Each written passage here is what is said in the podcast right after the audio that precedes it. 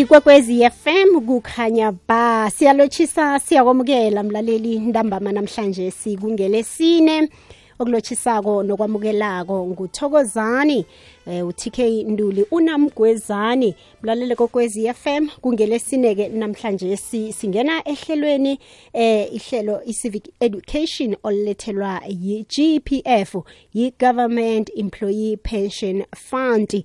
Eh kazi ke mlalele kokwezi FM sicale isihloko esicakatheke khulukhulu kwamambala. La sicale khona ukuchugululwa kwemithetho ye divorce kanye lapha ke nokukhushulwa kwepensheni.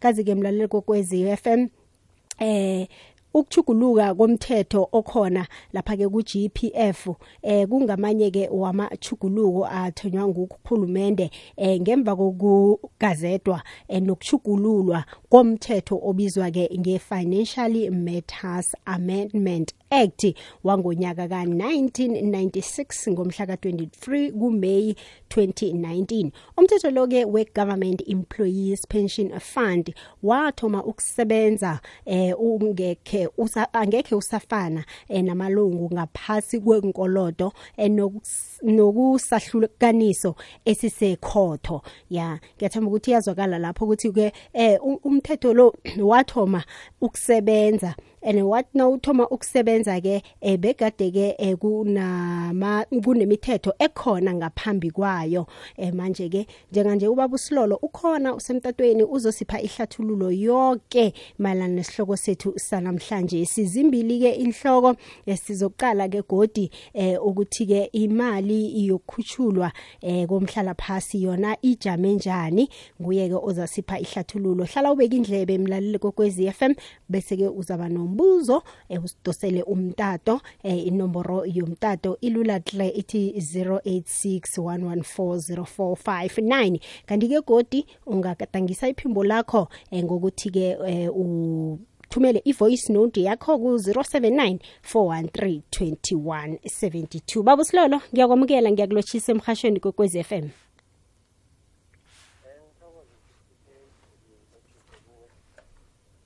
nakumlaleli. Baba silolo niyavuka baba. Yebo sisike angazi yangizwa na? Ngiyakuzwa njenganje nivukile? Eh asivukile sithike njani awa sivukile sithokoze khulu kwamambala. Kuthatha isikhathi sakho njengemhleni uzoba nathi ehlelweni lethu lakwa GPF yebo sisike ngiyathokoza kakhulu. Akhe sizwe ihlathululo mayelana ne-financial matters amendment act. Yebo um lokukhulu kakhulu masibuke ngale act wena sisike lokuthi ngaphambilini i-divorce bebereka ngale ndlela yokuthi umuntu makathi uyadivorca bese i-GPF iyayibhadala le divorce ebese kuba nesikweleti lesibakhona ngalana esiba ne-interest kakhulu sisike la khona khona sabona khona ukuthi hayi le sikweleti lesi siphinda futhi silimaze futhi malunga ngoba kumele basibhadale lesikoloto baphinde futhi bafake ne-interest lezokuhamba ibe khona kule sikoloto so kule amendment satsho ukuthi hayi asisafaki isikoloto sisitk siyasiyekela indaba yesikoloto nje nje siqalane nelento esibila ngokuthi i-service reduction lokhu ukuthi umuntu makadivosile sibuka le divorce ukuthi eh le period ekhuluma ngayo i-period lengangani mhlawumbe ngingatsho ngithi ngeminyaka mhlawumbe le divorce ukuthi masiyibukile ithi three years noma ithi four years eh le four years izokhutshwa ngala kule minyaka leso iberegile but asikuphathele iminyaka le uyiberegile nje siyaphungula ukuthi mase sicalculator mhlawumbe i-pension la utholakala ukuthi umuntu mhlawumbe bekane-ten years of service kepha le divorce seyithatha i-four years. Mazizocalculate nje le pension yakhe asisayicalculate ngalo mnyaka wa-ten years sizoyicalculate ngomnyaka wa-six years sixty-eight mase sikhiphe le four years ngiloko ukuthi le financial management act izama ukuthi inakekele iy'mali zama-pensionera ethu nokuthi bangalimali kakhulu ngoba le mali sisitike njengoba bayibekile la ku-G E P F bayibeke ngezizathu ukuthi umuntu makasathatha umhlala phansi akhona ukuchubeka naye aziphilise. Konje yathoma nini baba usilolo wathoma nini amachuguluko la?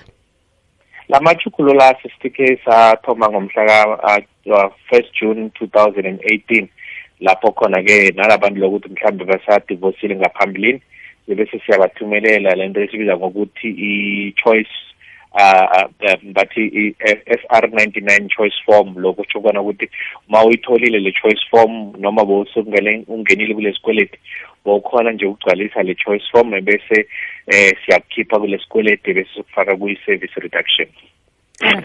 Eh sawukhuluma ngayo i-service reduction iyini i-service adjustment model kanye ne-debt model? Akhe usihlathululele ngawo ama-model lawo mabili. Ya mase sikhuluma nge-service reduction model ngilo ngitsho ngithi siphungula nje iminyaka kuya ngele divorce yakho njengoba iphume ngayo e-court. Eh mase siphungulile iminyaka mase uthi uyocalculate pension yakho sisike makuthi mhlawumbe i-divorce yakho beyithatha four years kule ten years onayo nje kuphela izokhipha le four years ebese mhlawuzane ma uphuma siyocalculate i-pension yakho siyocalculate i-pension yakho esingakhohlwanga le four years le ukuthi kumele siyikhiphe. Eh bese le debt model ngiyo le besiyibiza ngokuthi wena 60k ile ukuthi ma udivorcile ebese uba nesikweleti ngala ngaku-GEPF ngiso lesikweleti lesimele mhlawumbe ngelili ngelimi lesikhuwa bathi bekumele usiservice kusho kona ukuthi usibhadale. Ma uhluleka kusibhadala lesikweleti bese kungena i-interest le interest nayo ikhambisana nalesikweleti kumele ubhadale isikweleti uphinde nje ubhadale ne-interest. So i-debt model ngile ukuthi lesikweleti kumele sibhadale i-service reduction ngile minyaka esiyiphungulayo kuya nge-divorce.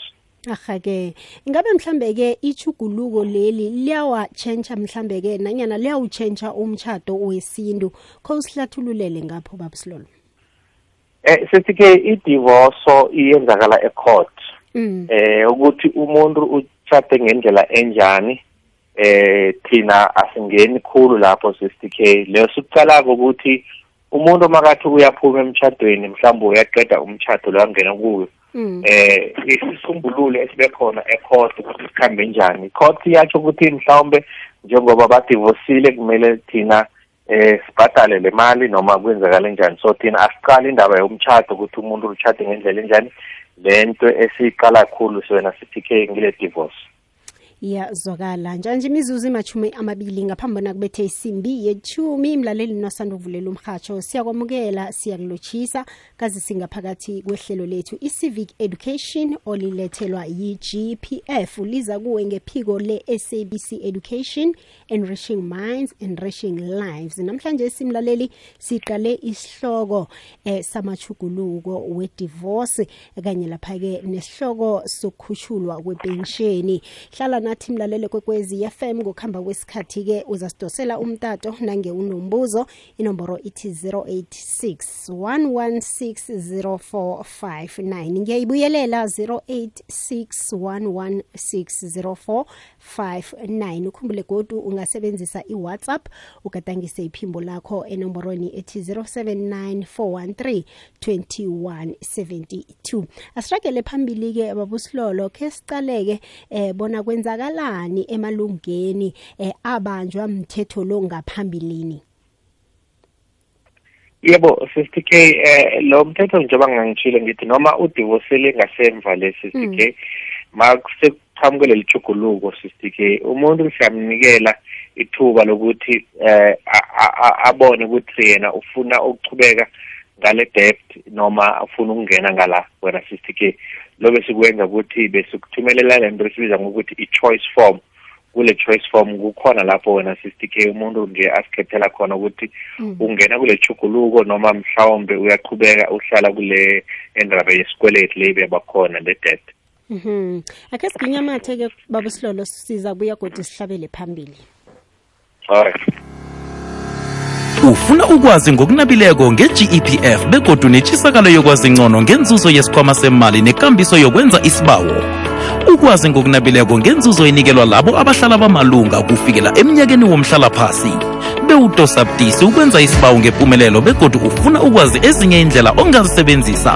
i-GEPF ibambisene ne-SABC ukunilethela ilwazi elimayelana nenzuzo engakabhadelwa. Ipentshini yabantwana ipentshini yomlingani ukungezeleleka kwepentshini yomnyaka nobujamo bezemali zesikhwama.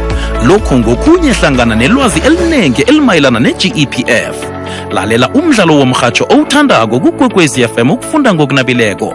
i-GEPF ibambisene ne-SABC ukusiza ngokufundisa nokwazisa abalaleli. Amalunga athethe umhlalaphasi nabazuzako enzuzweni ekhona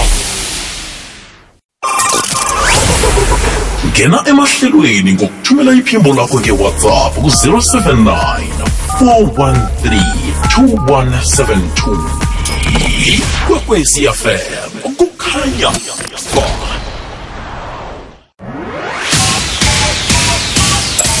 ukudosela amahlelo emoyeni 086 1120 459 ikwekwezi fm kukhanya ba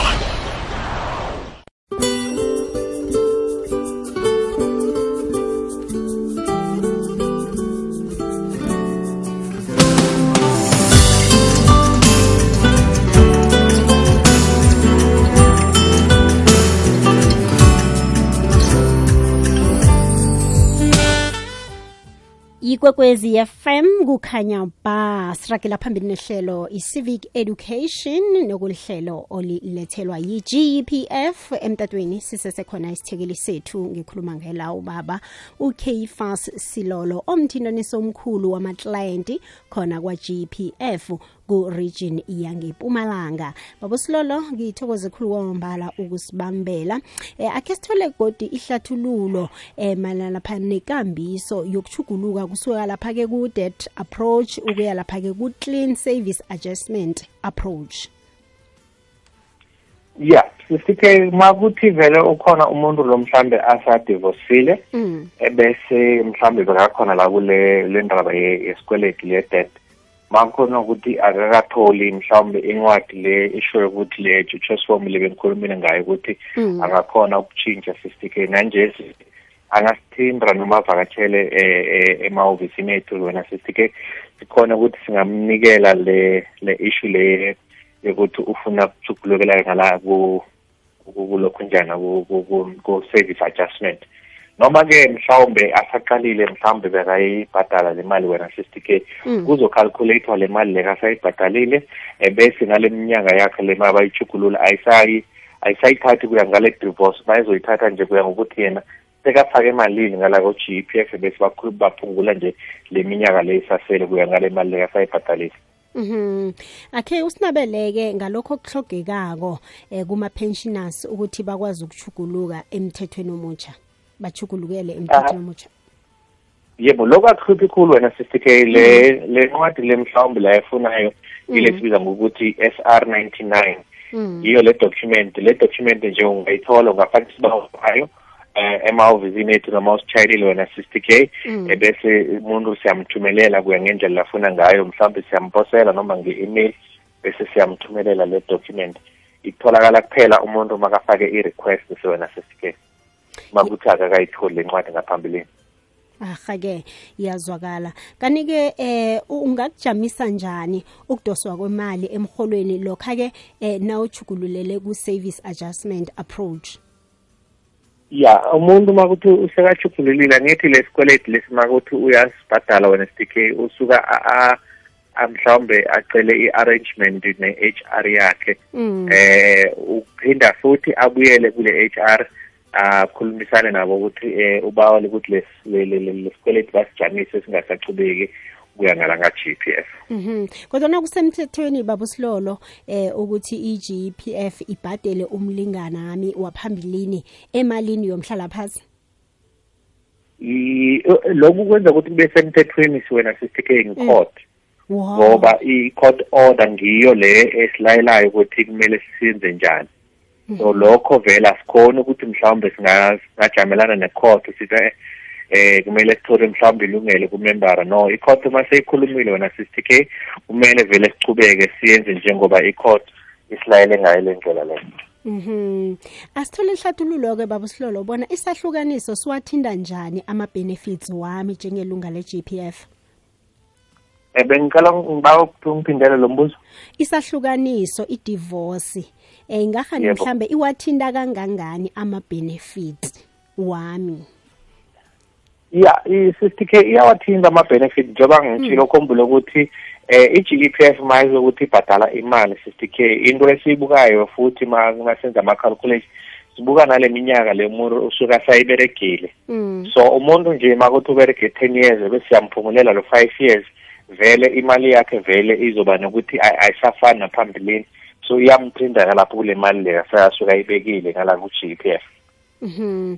Yazwakala. Mlaleli kokwezi FM ungathoma ke njenganje usidosele. Nomboro yomtato ilula hle ithi 0861160459 nomboro yomtato ke la usidosela khona. Emlaleli kokwezi FM sicela lapha ke amachugululo eh amachuguluko kwakhona we divorce kanye lapha ke nokhushulwa kwepension babusilolo ngaphambi bona siyamele esihlokweni sethu sesibili. Akhe sitshejeke okusalele ngemuva. Kiwo amachuguluko la eh, we divorce ngikupho khunye mhlambe umlaleli kwekwezi FM nanyana ilunga le GPF elinga ekungafanele mhlambe ke likwazi? Ya sifike abantu abaningi njengoba bowubuzile kulo mbuzo wakho nje mm. ukuthi eh ngubani lo sinikela ilungelo lokuthi eh sibhadale le mali ye-divorce? Yeah eh ngivele ngumbuzo lo sihlala siwuthola nje wena Mm. sifike ukuthi ngubani lo sinikela ilungelo. Eh, ngisafuna ukuyiphinda ngithi ilungelo lisuka lise livezwe e-court mm. ukuthi eh mabantu base badivosile i-court mase ithathile isinqumo ukuthi kube nesihlukaniso wena sithi-ke akekho umuntu angaphinda ajamelane nelesinqumo lesibuya e-court lokhu kumele abantu bakwazi wena sithi-ke ukuthi umuntu vele njengoba ayedivosa mabambizela e-court kubaluleke khulu wena sister ukuthi avele e-court azokhona ukuthi azijamele. Abantu bakithi wena sister mababize e-court abafuni ukuya Mm. bese i-court ithatha isinqumo umuntu angekho and then bathatha isinqumo isinqumo lesokuthi vele sizo eh thikamisa imali yakho ye-pension. So ngibawa lokuthi umuntu makathole nje i-court order noma ama-summons ukuthi avele e-court mm, kumele vele aye ngoba bayakhuluma ngey'mali zakhe futhi nalapha e-court Mm. Ke ngibuzeke wena babusilolo ucabanga bona ukuchugululwa mhlambe komthetho lo eh kuzolithinda kangangani nanyana kulithinda kangangani nanyana njani izinga lokuhlalana la eSouth Africa Eh sifike mina ngicabanga ukuthi le chuguluko leli bengcono kakhulu ngoba Mm. ekuqaliseni njengoba ngithile ngithi i- i- indaba le ye-debt wena sisike bebalimaza kakhulu abantu ngoba bebaphuma vele nje imali yabo engasisejabulisi ngoba ngoba le bacala mali masoyibhadala yes. Mawusowuhluleka kuyibhadala yona nje iyahlala iyakhula ngalama-interest iyahlala iyakhula ngalama-interest so leli chuguluko lihelebhe kakhulu ukuthi abantu at least iy'mali Mm. zabo zinga-affecteki ngale ndlela leyo ebuhlungu kakhulu wena sisike aha ke iyazwakala. Asiyameleke esihlokweni sethu sesibili um selapha ke i-pension increase. Asithole ihlathululo baba silolo kusho ukuthini ukukhuphula ipension? Ya wena sithi um umuntu makathatha mhlala phansi ka-g e mm eh um simnikela le mali yakhe wena sisike into esiza ukuthi umuntu makathatha umhlala phansi simnikela isamba Mm. siphinde futhi simnikele lo sikubiza ngokuthi i-monthly pension le ayihola ngenyanga nenyanga kule mali yenyanga nenyanga sithi si-G_P_F sithi umuntu njengoba ahola sizomnikela i-increment noma simkhuphulele imali yakhe yomholo Mm. so mase sikhuluma nge-increment ukuthi sinikela abantu labathatha umhlala phansi noma ama-pensionera ethu aka-G_E_P_F i-increment kulo mholo lo bawutholayo kwa-gpf unyaka nonyaka Mhm. Ikhutshulwa nini ke pension begodi kuba yini eh okay sohlathululile ukuthi kuba yini ikhutshule babusilolo. Siba ukuzwa ukuthi ik- ikhutshulwa nini ipension le. le pension siyikhutshula um, mhla ka 1 april Mm. enyakeni yebo Aha ke sihlathululele ke nge-framework egunyaza ke ukhutshulwa kwepensheni kwepension le. angizwanga lo mbuzo wakho sesike iframework eh egunyaza ukhutshulwa kwepension. yes sisike ukhumbule ukuthi eh enganyakene kuba nalento esibiza ngokuthi i-CPI i-consumer price index ngiyo le ephethe umnotho lo okhambiswayo la e- e- e- e- e- mhlawumbe South Africa nathi si-GEPF sibuka yona i-CPI sikuthi ikhambe yakhuphuka yafika kuphi ngoba i-CPI ngiyo le eh, ekhuluma ukuthi mhlawumbe mawuthenga uburotho Mm. ngomnyaka ka-2022 lo burotho vele ngo-2023 angeke busafana eh ngale ngale price. Nathi singu-GPF sibuka lokuthi i-CPI i-CPI kungiyo esibiza ngokuthi i-consumer price index. Ikhuphuke yafika kuphi sisitike sikhona ukuthi nathi sinikele amalunga ethu ithuba elihle ukuthi bakhona ukuqhubeka kahle baphile ngendlela efanele futhi wena sisitike Mm. Manje buyaphi imali le yokukhutshulwa kwepension? Niyitholaphi baba Slow? i-GEPF wena 60k njengoba siyifund Yeah. siya investa nathi ukuthi lesikhwama saka GEPF esikhona ukukhula eh labantu abasiphethe nge- nge- ngama investment ingasi babiza ngokuthi i-PIC i-Public Investment Corporation. Yibo lababona ukuthi isikhwama sethu siyakhula and nje semasikhula nathi wena 60k sikhona ukuthi sinikele i-increment kumalunga ethu alesikhwama. So ngibo labantu sihleli phezu kubo ukuthi eh mababone ukuthi ama-investment ethu akuhamba kuhle ukuthi nesikhwama sikhambe kuhle isikhwama naso masi- masikhamba kuhle nalo mhlawumbe okhothola imali kule G- kule sikhwama sethu ngi-GPF nabo sibanikele imali ekahle yokuphila Mhm. Manje akho kunomehluko mhlambe ke eh lapha ke eh, kuma percentage kwe- komholo nanyana kwepension le. Yebo a- akhona kukhona umhluko lomkhulu wena sisike njengoba ngitsho ngithi sibuka i-CPI eh kulonyaka lo sukuyo nje eh i-CPI ithe masibuka kwafika la ukuthi eh, ibhodi yethu iyathatha sinqumo ukuthi eh kuya ngenkulu ye-CPI nama-pensioner ethu sinobanikela i-increment engu-5.5 so iminyaka unyaka nonyaka kuyahluka lokho wena sisike Mm. Usasho njalo uthi unyaka nonyaka kuyahluka mhlambe ke ukhushulwa kwemali le khona kwenzeka ngemva kwesikhathi esingangani? Angizwa Kwenzeka ngemva kwesikhathi esingangani khona ukhushulwa kwepension? eh kwenzeka ngomhla ah, ka-first April ngunyaka Mm. wezimali eh ngahulumende nathi i-GEPF sibuke vele lo nyaka omusha wezezimali zakahulumende nathi sithi ngomhla ka-one April njengoba naye uhulumende abuka lokutshintsha kwezinto nathi singanikela amamembara ethu i-increment kulo nyaka Ahake kunama document mhlamba afunekako kilabo ke abaseleko nakuchugululwa ke ipension le. Ah, no sike lokho kuvela nje kwenzakala lapho kulama-pensionera ethu abagcwalisi litho wena sike Ahake iyazwakala. Mina imizuzu esekhe ngithi sithandathu ngaphambi bona kubethe isimbi yechumi ngesimbi yechumi ukhona u the big V nguvoroso. Kuhamba nawe bekubethe isimbi yechumi nambili. Kilo ihlelo sizigedlile namhlanje sekungele sine. Mlalele kokwezi FM lithuba lakho ke nange unombuzo njenganje bona usidosele ku 0861160459 inomboro yethu yomtato leyo kanti ke ku voice note inomboro ithi 0794132172 gadangise iphimbo lakho bese ke umbuzo wakho uza kuzwakala ukhona ubaba usilolo ovela kwa GPF kazi yena ke umthintaniso omkhulu wama-client khona lapha ke kwa GPF ku region yempumalanga mina ngithokozani uTK Ndulu namgwezani asiragele phambili ke baba usilolo ke sicale bona ke ngiziphi indlela ezisebenziswako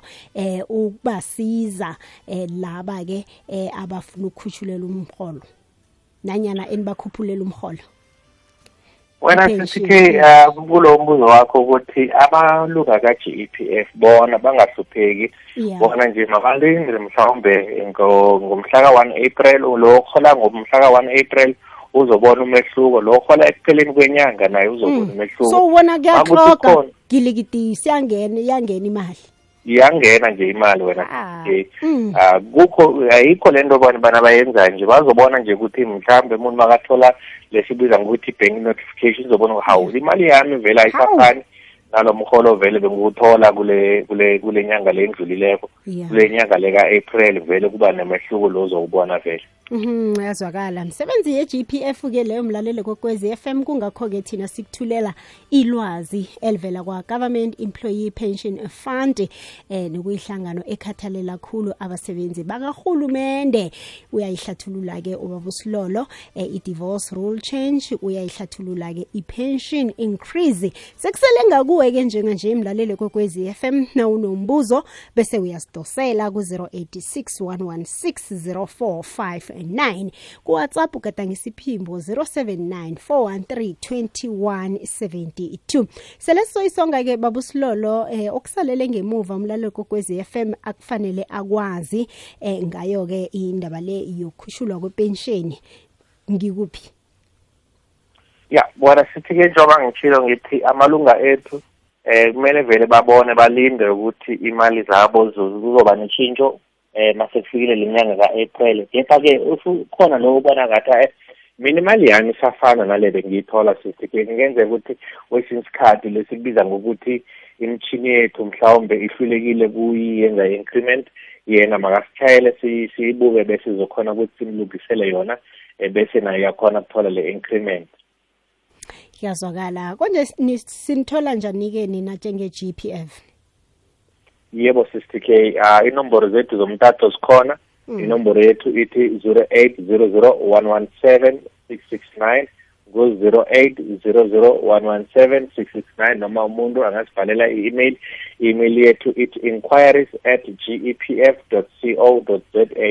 Inquiries at gepf co za. Ahake khe sigwinyamathe godi babusilolo khe ngihlole bona-ke ngakhani umlaleli ngaku-whatsapp ugadangisile nanyana njani na? Ngathi kunala izinto zingakhambi ngendlela yakhona. Siyabuya babusilolo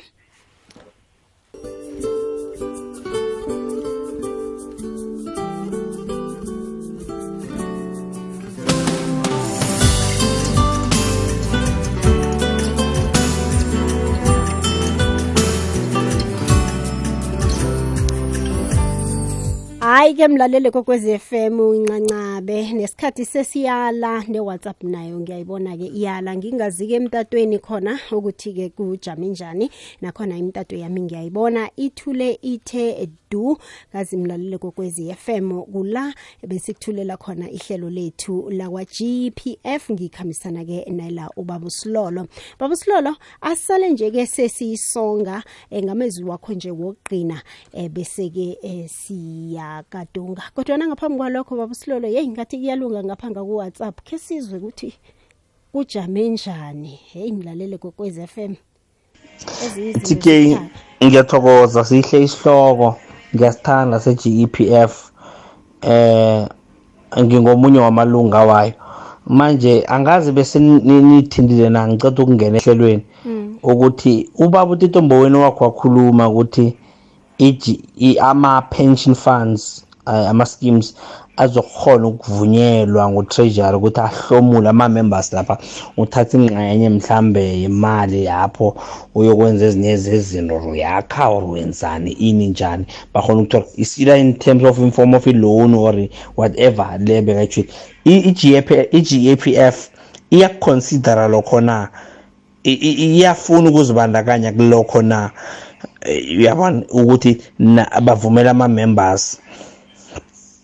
Baba Usilolo. ebathafana bekhanya ba ahake siyathokoza. Baba usilolo uzwile umbuzo?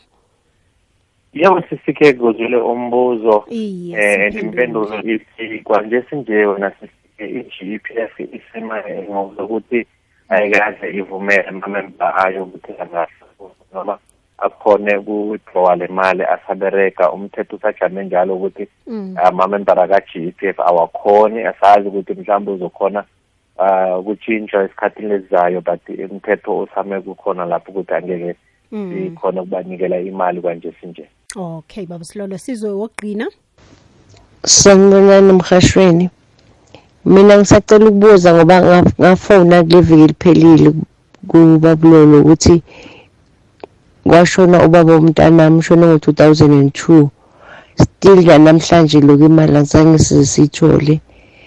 Ngashiya nenamba lapho kukwekwezi FM bengicabanga ukuthi mhlambe nize bazangifonela kodwa sulo abangifonela okay sincancabeze khulu baba usilolo eh sizokwenza isiqinisekiso sokuthi siyakuthumela ke inomboro nemininingwane yonke yakamma ngiyamkhumbula udosile eh iveke epheleleko ngelesine. Iye ya sizamthumela kubaba usilolo ma sincancabeza khulu. Baba usilolo asisonge.